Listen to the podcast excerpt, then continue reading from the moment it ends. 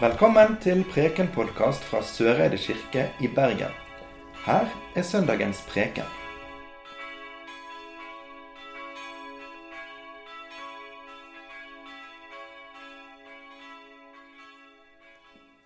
Det står skrevet i evangeliet etter Matteus. Døperen Johannes sa, 'Jeg døper dere med vann til omvendelse.' Men han som kommer etter meg, er sterkere enn jeg, og jeg er ikke verdig til å ta av ham sandalene. Han skal døpe dere med Den hellige ånd og ild. Han har kasteskovelen i hånden og skal renske kornet på treskeplassen. Hveten sin skal han samle i låven, men agnene skal han brenne opp med en ild som aldri slukner. Slik lyder det hellige evangelium. I dag så møter vi tre ganske ulike bilder gjennom bibeltekstene. Vi starter med havet som deler seg og blir til tørt land, der Moses kan føre folket sitt trygt igjennom. Så fortsetter vi med å høre om dåpen, som er badet som gjenføder, i en av tekstene til Paulus. Og så, i prekenteksten som jeg leste, der hører vi døperen Johannes snakke om ånd og ild, om sandaler og om en kasteskovl. Tre ulike tekster, tre ulike bilder. Men felles for de er at Gud står der som en sterk skikkelse og figur. Gjennom havet, i badet og gjennom ånd og ild. Gud er sterk. Den sterkeste, som vinner over døden og ondskapen. Det er kraftige bilder som kanskje vekker ulike assosiasjoner hos oss. Sånn er det. Vi er jo på ulike steder i livet. Vi har ulike dager. Din dag er kanskje vidt forskjellig fra den som sitter rett bak deg eller ved siden av deg her i kirken. Ulike bilder, ulike dager. Det er noe fint med å ha ulike ting som vi kan identifisere oss med i de forskjellige delene av historiene. Noen føler seg som takknemlige overlevende. Andre kan føle på en usikkerhet om de egentlig er bra nok til å bli reddet. Mange går og bærer på frykten for at de sjøl eller noen de er glad i, skal drukne av vannmasser lignende det havet som Moses delte eller til og med brenne med evig ild. Noen kjenner på å stå i stormer for det de tror på, sånn som døperen Johannes gjorde. Mens andre igjen kan kjenne seg trygge og rikt velsignet, velsignet av ånd og nåde. Og noen er kanskje der at de ikke bryr seg i det hele tatt. Vi er på ulike steder i livet. På veien inn vi gikk her i dag til kirken, så gikk vi gjennom Sivsjøen. Og etterpå så kan du se på utstillingen til kunstkonfirmantene våre over nettopp disse tre tekstene. Og kanskje de vekker noe viktig og fint hos deg. Vi er på ulike steder. Men én ting er likt for alle oss som hører til i kirken. Døpefonten vi har plassert her, midt imellom oss som er her, den minner oss helt konkret om det. Vi er ulike og har ulike dager. Men i dåpen lover Gud oss å alltid være sammen med oss, uansett. Og Derfor har vi del i den seieren som Jesus gjorde over døden, ondskapen og alt som er mørkt i verden. Det markerer vi faktisk hver gang vi er samlet til gudstjeneste på ulike måter. I går så tipper jeg at noen av dere så på fotball. Stemmer det? Ja, det stemmer. I går var det altså Champions League-finale. Og vår egen Erling Braut Haaland og Manchester City møtte altså Inter. Det var en kamp full av sjanser. Og til slutt så endte det altså 1-0 til Manchester City. Det er mye som er usikkert før finalen i Champions League. Vi vet ikke hvem som vinner, eller hvem som taper. Vi vet ikke antall mål, antall gule eller røde kort, eller hvor mange straffer som blir avgjort på VAR.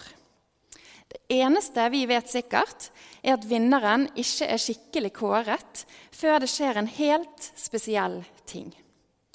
Når pokalen løftes.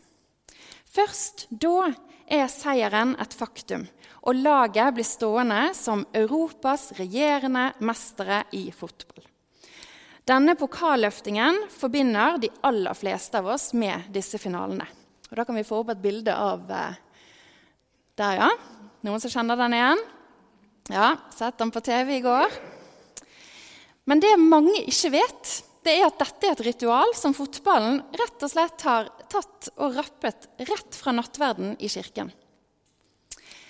Jeg har en studiekamerat som driver en blogg som heter Fotballguden. Jakob han jobber som prest i Halden og er òg skikkelig fotballinteressert. Han kombinerer disse to interessene sine, Jesus og fotball, og driver altså denne bloggen. Den er vel verdt å sjekke ut hvis du deler de to samme interessene. Fotballguden der, altså.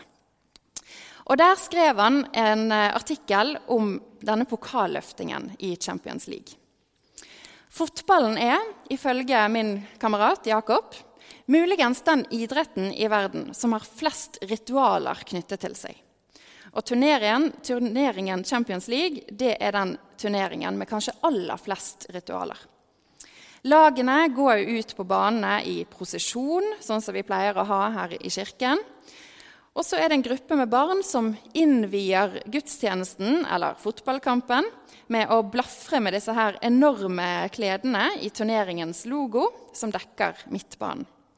Og så stiller spillerne seg eh, opp for de to lagene for å lytte til denne hymnen mens kameraet beveger seg fra den ene til den andre og presenterer alle spillerne.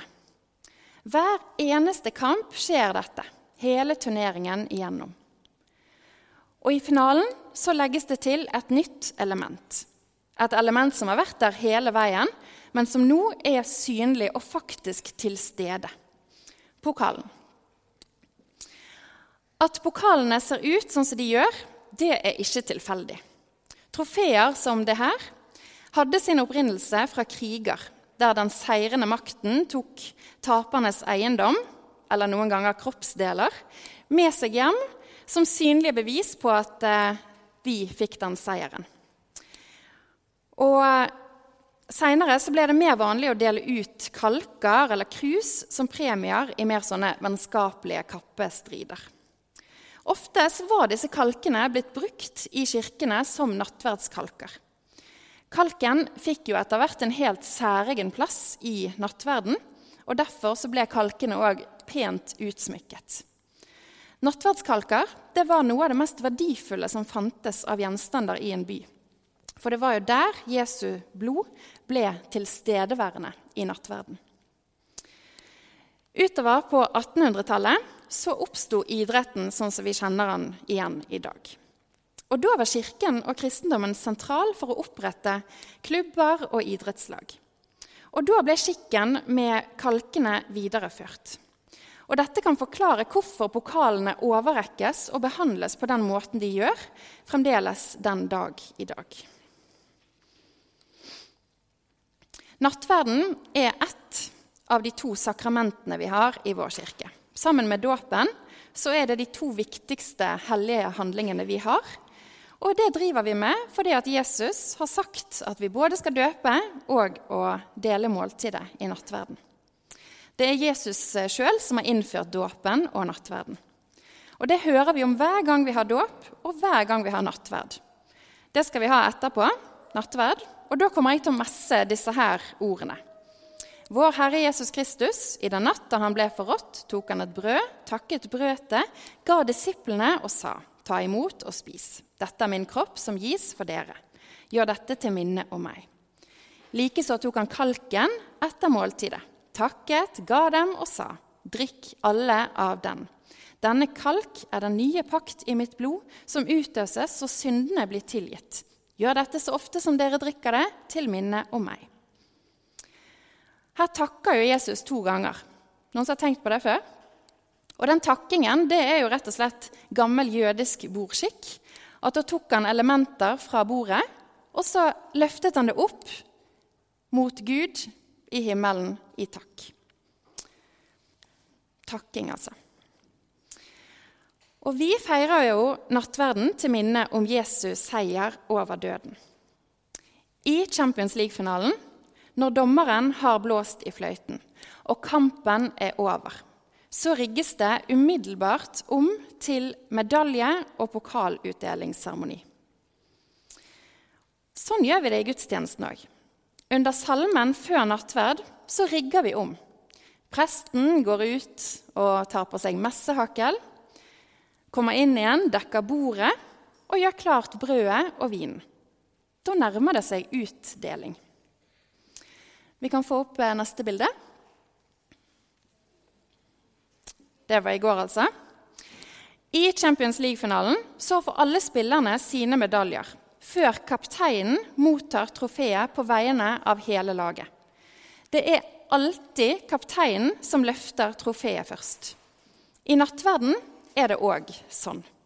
Presten er den som innvier nattverden, og som løfter kalken på vegne av menigheten.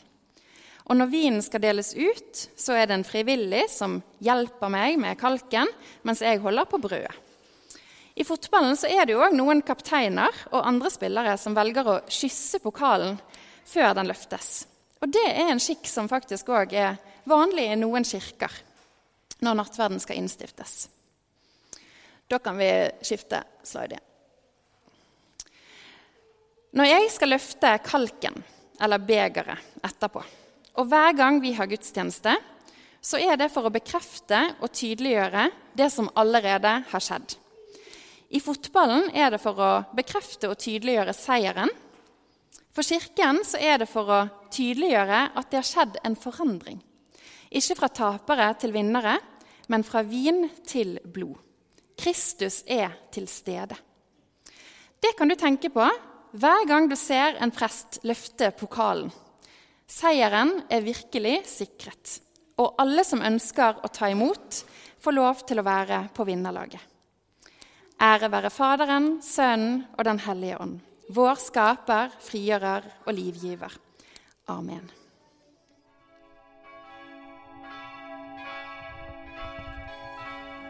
Du har nå hørt Preken-podkast fra Søreide kirke i Bergen. Følg oss gjerne på Facebook og Instagram, eller gå inn på vår nettside kirken.no soreide. Takk for at du hørte på.